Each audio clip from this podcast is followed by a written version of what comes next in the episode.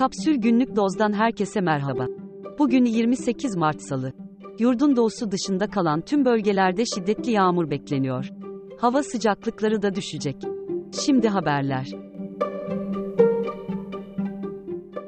Çadır ve gıda satışı ile gündemden düşmeyen Kızılay'ın başkanı Kınık, TBMM Deprem Araştırma Komisyonu'nda milletvekillerine sunum yaptı.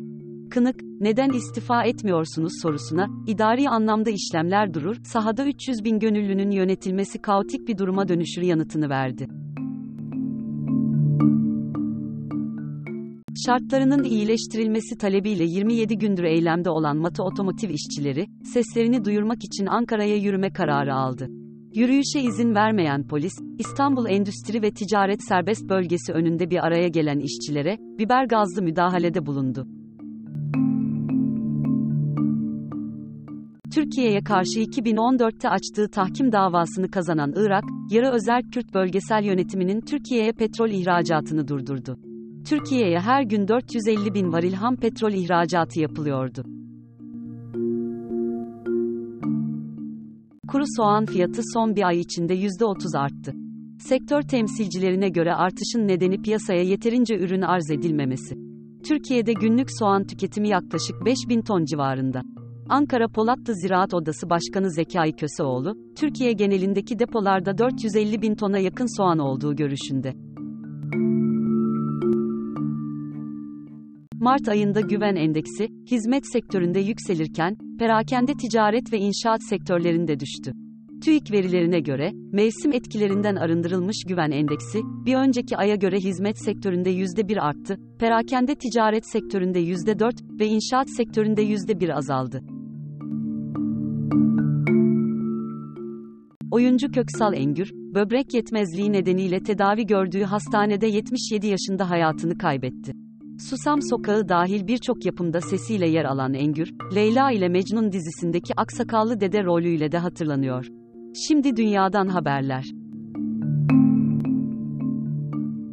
İsrail Başbakanı Netanyahu, haftalardır büyük protestolara neden olan yargı reformunun geri çekilmesi gerektiğini savunan Savunma Bakanı Gallant'ı görevinden aldı. Halk, ülkenin birçok noktasında sokağa çıkıp Gallant'ın görevden alınmasını ve söz konusu reformu protesto etti. Netanyahu'nun evinin yakınlarında eylem yapanlara basınçlı suyla müdahale edildi.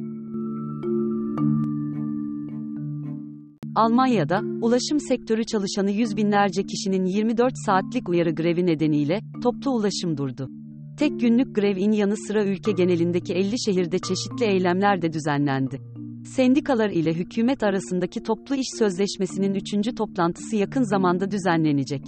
İşçiler, enflasyon nedeniyle maaşlarında en az %10 artış talep ediyor. Günün sözü, Gaziantep Islahiye'de çocuğunun liseye giriş sınavlarına hazırlandığını anlatan Gülhan Yağmuroğlu'ndan.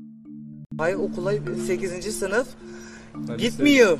Eve sınava girecek hiçbir şeyimiz yok. İşte kendi enkazda çıkardığımız şeyi test kitaplarıyla kız onunla çalışıyor. İm- imkanımız budur. Başka yok.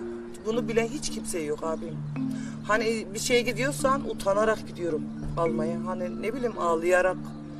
Addi, ad, diyorlar ki ne acındırıyor ama yok. Çaresizsin.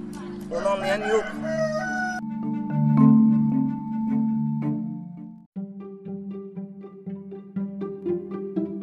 Daha fazlası için kapsul.com.tr adresini ziyaret edebilirsiniz.